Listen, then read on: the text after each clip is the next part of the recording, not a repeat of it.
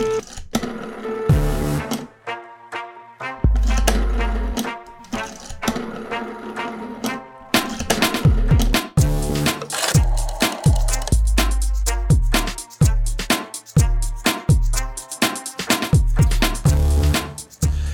Dobar dan, dobrodošli u još jednu emisiju, još jedan podcast. Prošle nedelje ga nije bilo e, iz veoma dobro poznatih razloga, ali to e, nije razlog da ovoga puta sa vremenske distance posmatramo sve ono što nam se dogodilo 3. maja i što nam se događa ne samo 3. maja, već i decenijama unazad. Zato je moja današnja sagovornica Radmila Vulić-Bojović, psihoterapeutkinja i psihološkinja. Radmila, dobar dan, dobrodošli. Dobar dan, hvala vam na pozivu.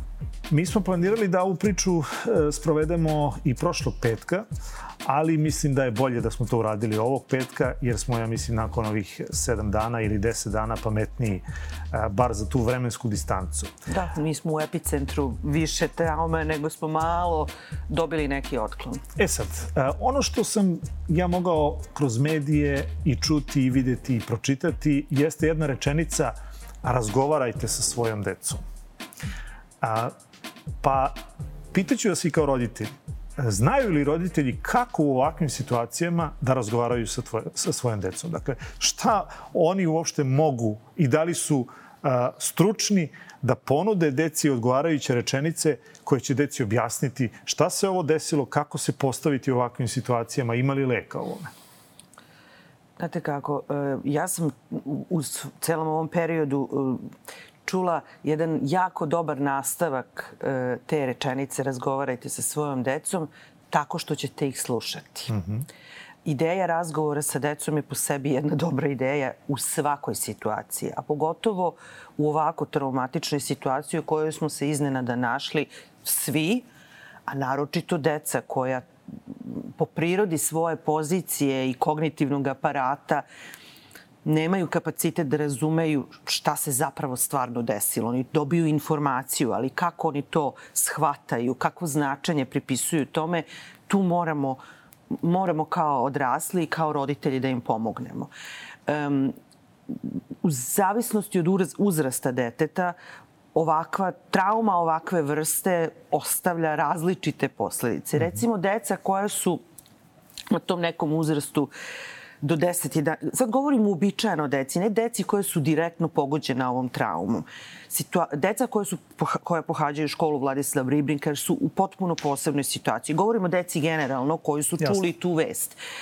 Znači, deca do negde 10, 11. godine koji se nalaze, kako bi to mi, mi psiholozi rekli, u tom nekom e, periodu konkretnih operacija. Za njih je to informacija koja nema, nisu oni u stanju da potpuno obuhvate uh, e, po, po, značenje tog događaja u svakom njegovom segmentu. Dakle, oni ga prime, veliko je pitanje kako to oni shvataju i tu mi moramo da im pomognemo da oni razumeju da da, stvari nisu crno-bele. Nekada ljudi mogu biti dobri ili loši.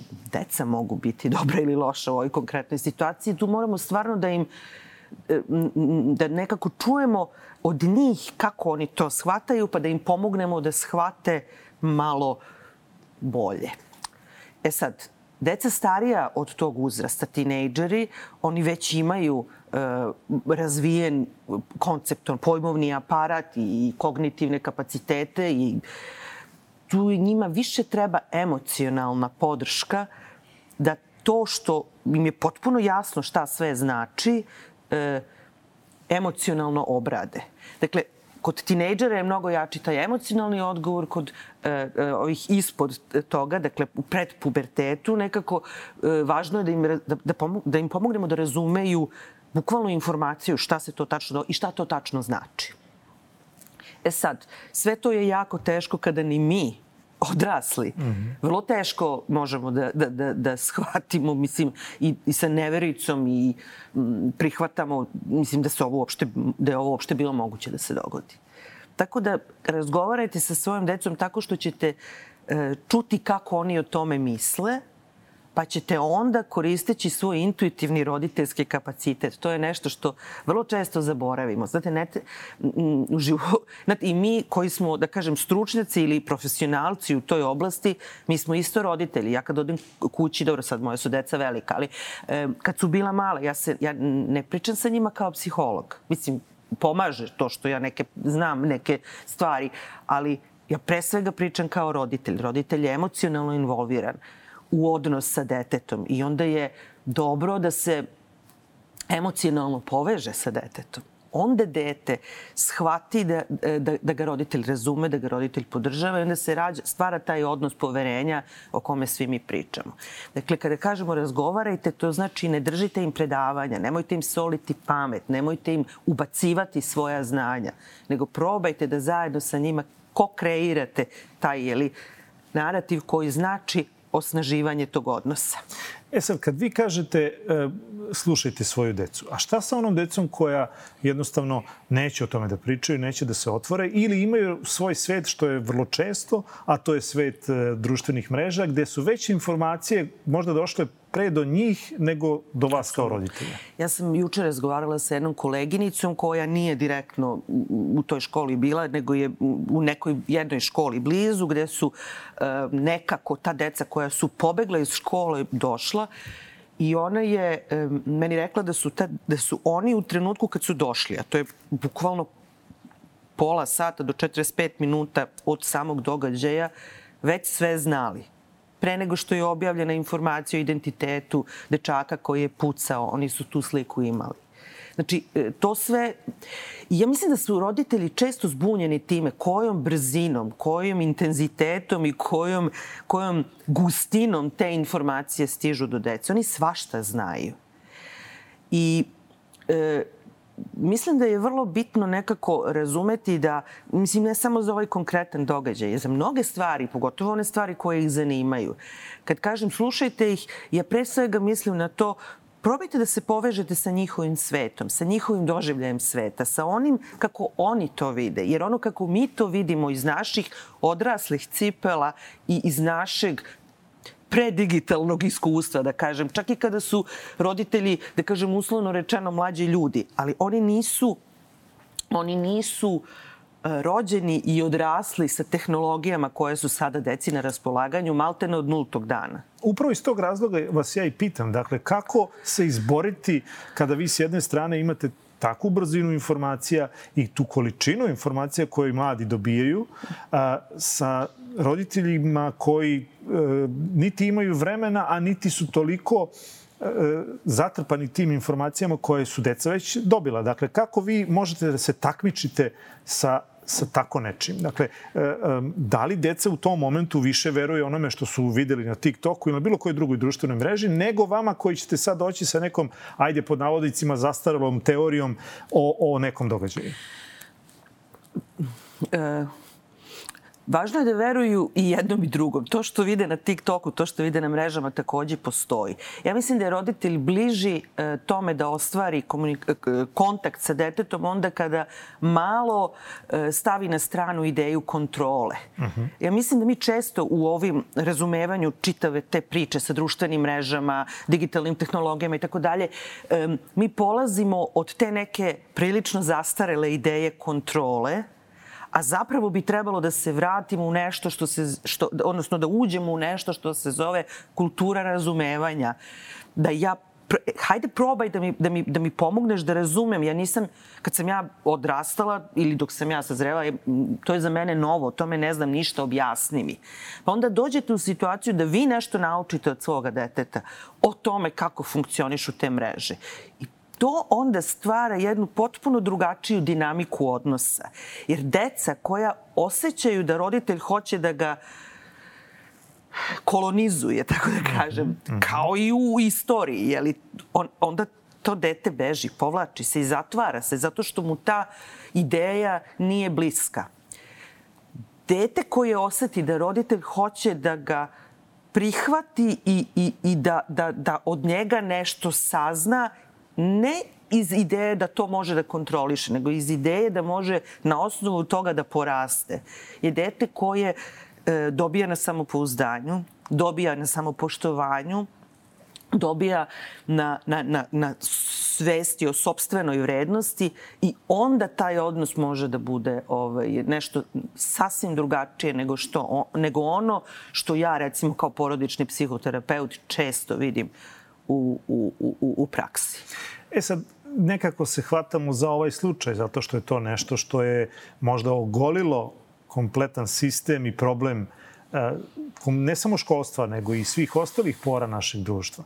Ali može li se ovde reći ko je najviše zakazao? To jest, zašto vas to pitam? Ne da bih uperio prst u nekoga, nego da bi se e, na, na tome možda našlo rešenje za buduće, jer ovo je pitanje hoćemo li na ovome stati. Dakle, u, u današnje vreme ako se opet poredimo sa nekim zapadnim zemljama, dakle, to nije stalo na jednom slučaju, nažalost. Mm, nažalost, ne, da.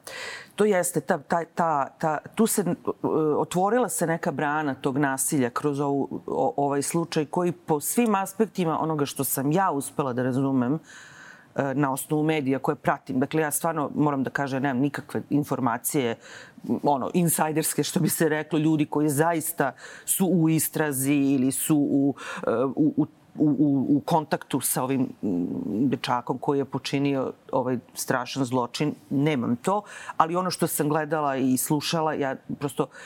Um, ovaj slučaj je po mnogim aspektima jako atipičan kada postavili ste pitanje ko je najviše zakazao. Uh. -huh. Mislim, moj duboki osjećaj je da ovde imamo posla sa, sa jednim, jednim dečakom koji je e, izrastao u ovo što je na kraju postao, dakle, ubica, i to masovni ubica, kažu najmlađi na tlu Evrope ikada. E, pre svega usled nekih po, porodično-sredinskih faktora koji su ga kao takvog oblikovali ili propustili da ga kao takvog vide. Mm -hmm.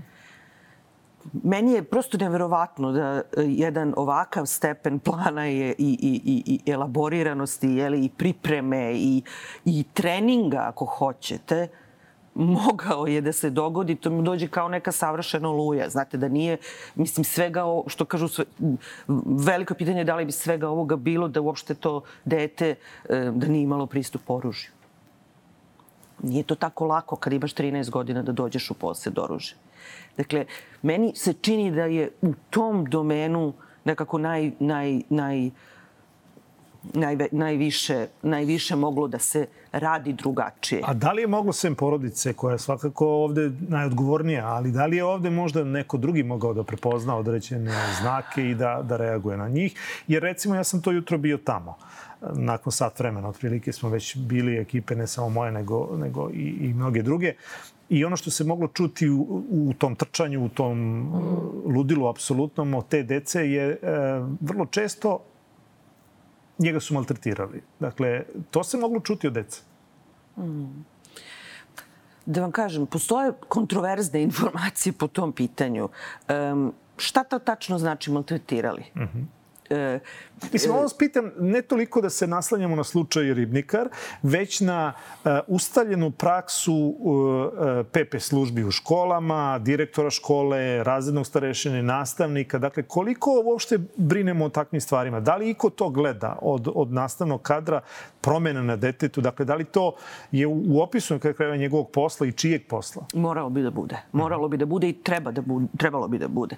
E, vidite ovako. Ja koliko znam, e, vi ste radili u školi, je li tako? Ne, ja nisam u školi, ja sam u sistemu socijalne zaštite. Aha. Ali i to je dosta slično tome, jer mi imamo, e, kada škola primeti jeli, da se nešto sa detetom dešava, ona obavi razgovor sa detetom, obavi razgovor sa roditeljima i ukoliko vide da postoji nešto, vama, da. obraćaju se centrima za socijalni rad i onda taj sistem obavlja jeli, neku, ne, neku svoju procenu i tako dalje.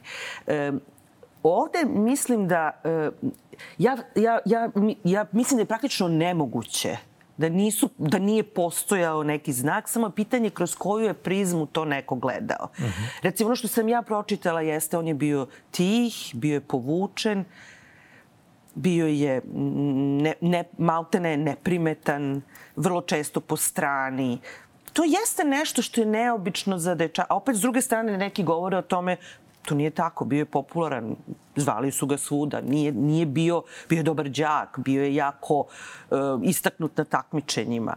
Uh, čini mi se da je ovde to bilo znatno otežano time što je uh, socijalno prepoznate uh, kako da kažem, karakteristike jednog dečaka od 13 godina su bile onako, da, da štiklirate sve, sve ove uh, kućice, sve jeli, sve je imao. E, donosio je petice, išao je na takmičenja, bio je vredan, išao je u muzičku školu, sve, sve, sve neke stvari koje prepoznajemo kao vredne.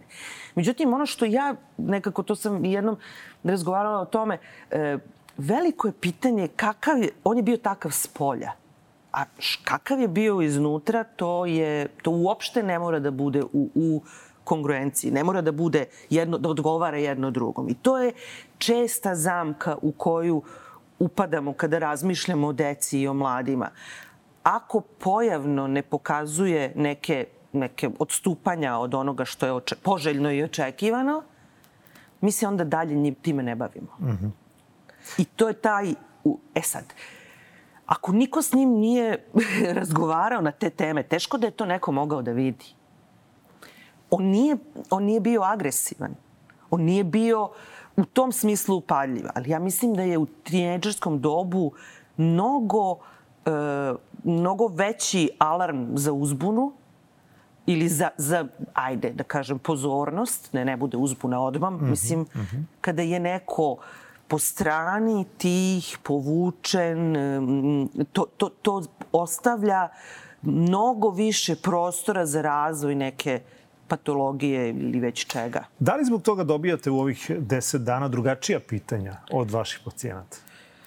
U kom smislu drugačija? U smislu da su da sada ljudi gledaju na, na svoje drugare iz klupe ili mhm. -huh. na svoju decu u dvorištu ili, ili koga god na drugačijim očima. Dakle, da li, da li osjećate strah? Da, e, ljudi čak i govore o tome da, ste, da strahuju. E, deca govore o tome da nisu više sigurna, ne znaju šta se iza, iza nečega, šta, je, šta ima iza, znate, da li, e, i to, oni čak to eksplicitno i kažu mislim, dečaci od 11 godina, 10 godina, oni su uznemireni ovim zato što je to uradio, mislim, i to jeste naj, jedan od naj, kako da kažem, osetljivijih segmenta čitave ove priče što je to uradilo dete. Čak ni, ni ono tinejdžer i mlada odrasla osoba koja ima neku sklonost antisocijalnom, asocijalnom ponašanju, što su tipični počinioci, jeli ne baš ovakvih stvari, ovo je, ovo je strašna zločin, ali koji su delinkventni, ovako onako, znate, i, i negde to, to, ti to možeš da predvidiš, osetiš, ali ovo gde to s polja izgleda prilično lepo upakovano, unutra je neki strašan mrak čini mi se da to decu e, i mlade i odrasle, ako hoćete, vrlo uznemirava i mislim, razumem zašto je to tako. E sad, proći će i ovo, ko i sve što prolazi. A, hoćemo li, evo kažu, zovite, otvaraju se SOS službe, telefoni, e, dobijamo sa vrha države informacije da će stotinak, možda i više ljudi vaše struke biti tu na raspolaganju, ne samo ovoj deci, već u svim školama, vidimo policajci policajci ispred škola, ali e, hoće li ovo sistemski pomeriti stvari? Da bar iz ovog zla izađe nešto dobro? Znate kako, e, ja mislim da, da mi možemo sada i e, hiljadu eksperata da zaposlimo u na tome, ali mislim da čak ni to nije poenta. Ja mislim da povećanje svesti o značaju mentalnog zdravlja o značaju mentalnog zdravlja ne samo kao odsustva bolesti, nego kao nekog sveopšteg napredovanja ljudskog, neke, neke, neke ljudske dobrobiti, sre, sreće ako hoćete u nekom svako, nekoj svakodnevici. To je isto recimo jedna od stvari koje sam ja kroz medije čula o tome da se ovaj dečak vrlo redko smejao. 13-godišnja koji se ne smeje meni je to jako čudno. Mm -hmm. Koji nema tu... E sad, vi imate sve više i više depresivne dece, znate. Dece koja su negde zapravo u svojoj suštini depresivna. Negdje sam pročitao da ste rekli da je sve manje dodira, fizičkog dodira, u smislu zagrljaja. Ta deca su i kada odu negde, kad izađu, ili su na telefonima ili su odvojeni muškarci a, i, i devojčice, dakle, jedni na jednu stranu, drugi na drugu stranu. Da li je i to Apsolutno. razlog zašto smo došli to do je ovde? sve, to su sve faktori koji su ekstremni faktori rizika. Ono što mi često vidimo u praksi, to su emocionalno zanemarena deca, koja sve imaju, a ništa nemaju. Mm -hmm. To su deca čiji roditelji rade po dva, tri posla, ne bili preživeli e, u borbi za egzistenciju, bukvalno ono preživljavanje, mislim. E, a deca rastu u tome, u toj atmosferi, sa tom napetošću, sa tom tenzijom i onda naravno da nije čudno da sa 12 godina bude depresiva. Znate, nekada mi smo govorili, e, mi smo razmišljali, mislim, e, ono, od kolevke do groba najlepše đačko doba i sve tako neke floskule. Pa da, ako, ako si u sistemu koji je uređen. Pitali ste malo pre da li će to sistemski rešiti stvar. Mi možemo da stavimo i kordon policajaca ispred svake škole ali to nije, to je samo um, pojav, po, kako da kažem, na, na prvi pogled kao neka sigurnost. Lepo se slika. Lepo se slika i vidi se. Prava sigurnost se ne vidi tako, ona se osjeća. Mm -hmm. Kad se mi osjećamo sigurno, mi smo spokojni, mi smo, mi smo uh, mirni, mi smo nasmejani, mi se osjećamo opušteno, ali ne ono kao baš me briga, nego nisam napeta, nisam u strepnji, nisam u zebnji. Mi živimo u društvu gde većina ljudi se zapravo osjeća kao da kao da će, da će, da će, da će sutra biti apokalipsa neke vrste. Mislim, A ne treba da bude tako. Vratio bih vas još malo na, na PP službu u školi. Dakle, da ne bude sad da okrivljujemo njih e, koji možda jesu ili nisu odradili svoj deo posla, ali e, šta, kaže, šta kažu pravila? Dakle, da li pravila nalažu da svako dete prolazi neku vrstu psihološke procene? Na početku školovanja. Pa tada, ali posle, šta se dešava? Oni kako rastu, tako im se mentalno zdravlje menja. Ako prave probleme, onda će ih PP e, služba viđati jako često. Ako ne prave? Ako ne prave probleme, postoji šansa da se uopšte ne vide. I da nikada više psihologa ne vide. Da ne znaju da je kancelarija psihologa. U tome je problem to nije do PP službe, to je do organizacije, mislim, pra, školskog sistema. Da, upravo to sam i hteo da vas pitam. Dakle, ne bih da uperim prst u, ne, u dve ne, žene koje sede u kancelariji koja se zove PP služba. Apsolutno ne. To, to, je, to su ljudi, to su, ja verujem da su sve kolege, najčešće su to koleginice, ima i školskih psihologa muškaraca, ali najčešće su koleginice, da su oni, znate, niko ne bira da bude psiholog zato što ne voli e, decu i ljude ili da ne, ne voli kontakt sa decom i ljudima. To je nemoguće vi nećete upisati psihologiju zato što vam je to mrsko. Mm -hmm. Pogotovo nećete završiti psihologiju ako vam je to mrsko. Ali u jednom trenutku desilo se nešto da su oni kolege koje rade po školama dovedeni u poziciju administratora nekih, nekih, nekih e, ono, popunjavača nekih tabela. E, nije to samo u školskom sistemu. U sistemu koji je meni poznat, socijalne zaštite, to, to je tako. Mm -hmm. Ja sam e, otišla u jednom trenutku na neplaćeno, u trenutku kad sam shvatila da više gledam u kompjuter nego u osobu sa kojom razgovaram. A to radim zbog toga što ja moram... Mislim, to znate iz domova zdravlja.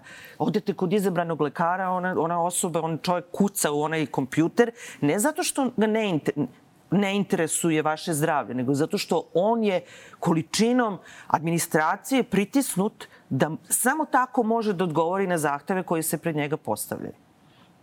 U toj atmosferi, na takav način, vi vrlo teško možete da gledate jeli, osobu preko puta vas u oči i da, i da prepoznate da li to što vam ta osoba govori je koherentno sa onim kako se ta osoba ponaša, kakvu vrstu uh, energije emituje ako hoćete i onda lako može da se desi da dođe do nekog, da, da prosto ne vidite nešto što bi inače, da imate slobodu da radite svoj posao na način kako se radi, mogli možda da vidite. Znamo da, da represivne mere rađaju opet neko drugo nasilje, ali ajde da pokušamo da stavimo u korelaciju upravo ovo. PP službu, uh, đake, zaposlene, dakle, ostale nastavnike, njihova prava međusobna. Jer nekako meni se čini da deca nikad veća prava nemaju, a opet imamo ovo što imamo.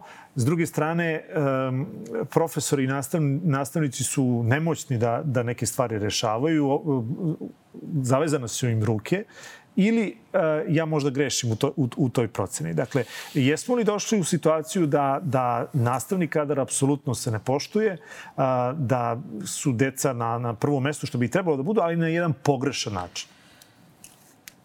Odgovorit ću vam kroz primer. Dobro. E, 80. godina jednu grupu porodičnih terapeuta edukovali su eksperti iz Velike Britanije, iz Engleske. Oni su dolazili i to je vrlo, vrlo ozbiljna jedna edukacija. Četvoro, inače, psihoterapijska edukacija traje četiri godine. To je ozbiljna stvar.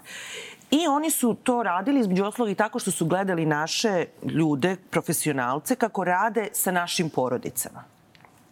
Porodičnu terapiju. Dobro. I posle tog nekog perioda njihov um, njihov zaključak je bio, jedan od zaključaka je bio da je jako neobično jer um, kao da vlada neki pod znacima navoda teror dece ovde. Pa ste 80. godina. Mm -hmm. da su deca stavljena na neki pijedestal koji im ne pripada. Kako, kako, smo mi, kako, kako su oni to razumeli? Znate, vrlo često mi kažemo prvo dete, pa onda mi u, u, doba, u to doba 80-ih to je bilo vrlo često. Pošalješ decu na more, nisi mogu da ide cela porodica, ti pošalješ decu na more, a ti si u drugom planu kao rodite. Ima logike. Ovde, ovo je nestabilno područje i tako dalje. Ali meni jako smeta kada kažemo deca imaju puno prava, nemaju obaveze ili deca imaju nikad više prava. Ne da mislim, razumem to i deca treba da imaju prava, ali vidite, pravo deteta osnovno pravo je da odrasta u sigurnoj i stabilnoj atmosferi. Ne da nametne tebi svoju volju. Ne da mu se udovolji i da mu se ispunjavaju želje koje nije ni svestan da ih ima. Mislim, ti misliš da ono ima. Mi ne znamo šta su želje male dece. Želja, mla, e, želja malog deteta je da mu roditelj bude prisutan, na njega fokusiran i da zadovolji njegove potrebe. Mm -hmm. Ali, Znate, ono, ja to često i sa klijentima mojim koristim, kad idete, voze, letite avionom, pa vam daju onu sigurnosnu proceduru, pa kada kaže ono, u slučaju pada pritiska, izaći će maske, onda kaže, roditelji, stavite prvo masku sebi, sebi pa onda. a onda detetu. Mm -hmm. Zato što je vrlo bitno da vi kao roditelj budete dobro, da bi vaše dete mogli da, da budete dobro. Ja mislim da e, to sa roditeljima e, bez, ja, ja stvarno mislim da roditelji i deca moraju, moraju da budu u nekoj, nekoj vrsti koordinacije, isto kao što i roditelji i nastavnici moraju da budu u nekoj vrsti koordinacije. Ja mislim da smo mi u probleme, u ozbiljne probleme sa decom ušli onda kada su roditelji i nastavnici počeli da budu su, su, suprotstavljenim tako pozicijama. Je. Tako je. U, u svako u svojoj nekoj poziciji kao da nemaju isti cilj. Jedna od bazičnih, da kažem, E, bazičnih postavki porodične, recimo terapije, jeste da kada imate roditelje koji su u, u konfliktu, vrlo često oni ili regrutuju dete na jednu stranu, da im bude, da bude u nekoj neprincipijaloj, što bi rekli, koaliciji mm -hmm, protiv mm -hmm. drugog roditelja, ili e, je, je to način kako dete, oni su toliko e, absorbovani svojim konfliktom da ne vide to dete. E to se dešava isto i u, škol, u školskim sistemima. Ako su roditelji i nastavnici na suprotstavljenim stranama, onda, onda to dete nauči taktiku zavadi pa vladaj. Pa onda nastavniku priča jednu priču, roditelju priča drugu priču, a prolazi tako što se onda oni trvu na, na toj liniji roditelj-nastavnik, a dete, e, to nije pravo deteta to je zapravo zanemarivanje potrebe deteta. Roditelji to teško shvataju. Nastavnici takođe. Znate, ja sam puno puta čula, nastavnik kaže, kaže, mi njemu ništa ne možemo. Čekaj bre, kako ništa ne možeš kad si odrasla osoba u odnosu na dete u osnovnoj školi? Svašta ti možeš. Sam, ne možeš Ali na silu. ta rečenica je linija manjeg otpora ili oni zaista ne mogu ništa? Oni, oni kao da su naučeni, da naučena neka bespomoćnost. Kao da, kao da im je neko to rekao. E, možeš mnogo toga. Mislim, za početak možeš da uspostaviš atmosferu poštovanja i tolerancije na času. Ja sam često od dece čula rečenicu kad kažu pa kako mi njih da poštujemo, a oni ne poštuju nas. Mislim, to, je, to, to kažu deca razni. To vam vrlo malo dete može da kaže. Mislim, malo, mlado, mlado školsko dete, 8-9 godina. Tek na početku škole. Nastavnica kaže nama da ne vičemo, a ona stalno viče na nas. Ili mm -hmm. tako nešto u tom smislu. E, nastavnica hoće da bi mi budemo mirni, e, a ona, ne znam, Ili nastavnica priča mobilnim telefonom, tako, a nama, nama ne da, da, tako je. Tako da oni tu negde e, vrlo lako, lako, lako prepoznaju e, deca Tako da ta priča o poštovanju i o, i o uvažavanju je uvek dvosmerna ulica. Mislim, u današnje vreme, pazite, mi, smo, mi, smo, mi znamo da su pre, ne znam, 50 godina ili već koliko godina, pa čak i, ne, ne, i, i kasnije postojali su ti neki neprikosnoveni autoriteti e, profesora i ja verujem da to nije bilo ni, ni glumljeno, ni, ni, ni, ni, nametnuto. Prosto bilo je tako, ali to su bila druga vremena.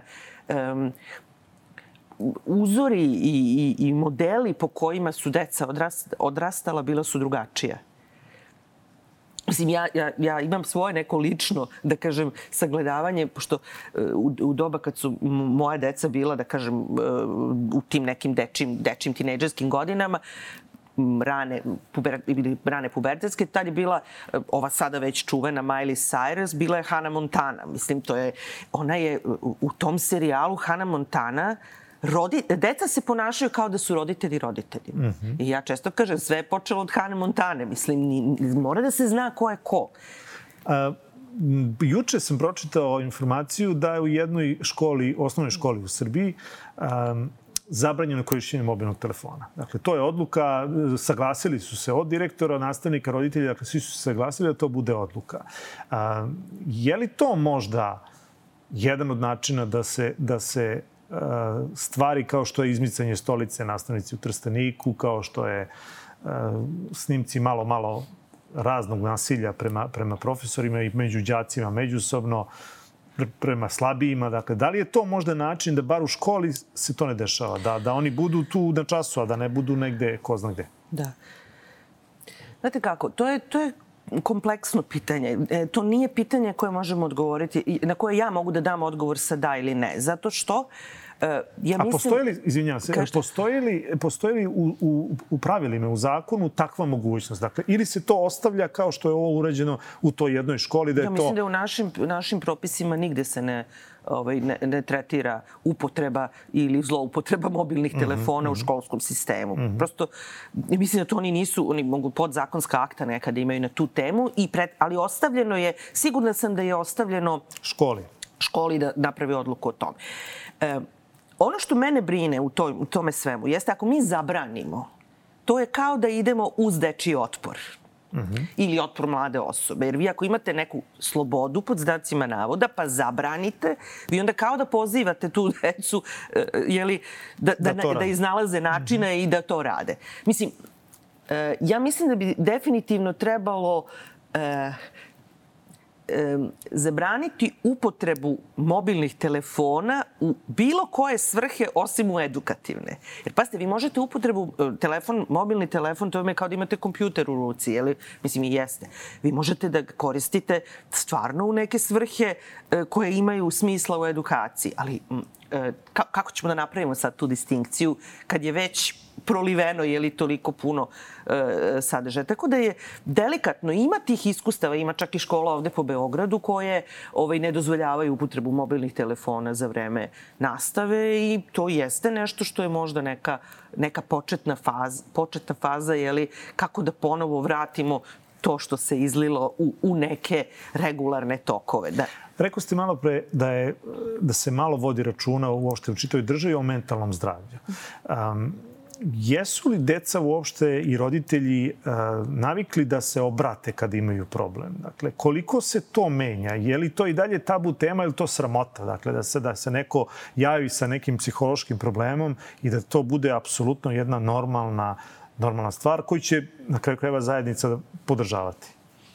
Znate kako, ja sam već dosta dugo u praksi i to je stvarno nešto što se menja. Možda ne mhm. onoliko brzo kao što bi mi hteli ili što bi bilo dobro e, imajući u vidu kontekst u kome živimo, mislim i lokalno i globalno, ali to, je, to se stvarno menja i ja vrlo često imam um, u, u praksi da dođu roditelji sa decom koja su, ono što bi mi rekli BO, jeli, ni, be, nemaju nikakvih tegoba koje bi tražile terapijski rad ili, ili, ili tretman, ali roditelji imaju potrebu da se konsultuju, da provere, da sa nekim ko malo o tome, da kažem, više zna ili se time malo više bavi, da, da to da to, da to prosto vide da li to izlazi iz nekog okvira. I tako, to se sve češće i češće dešava. Uh mhm. -huh. Ali i dalje, nek toliko često i moramo da stavimo ogradu. Mi smo u urbanoj sredini gde je dostupnost, gde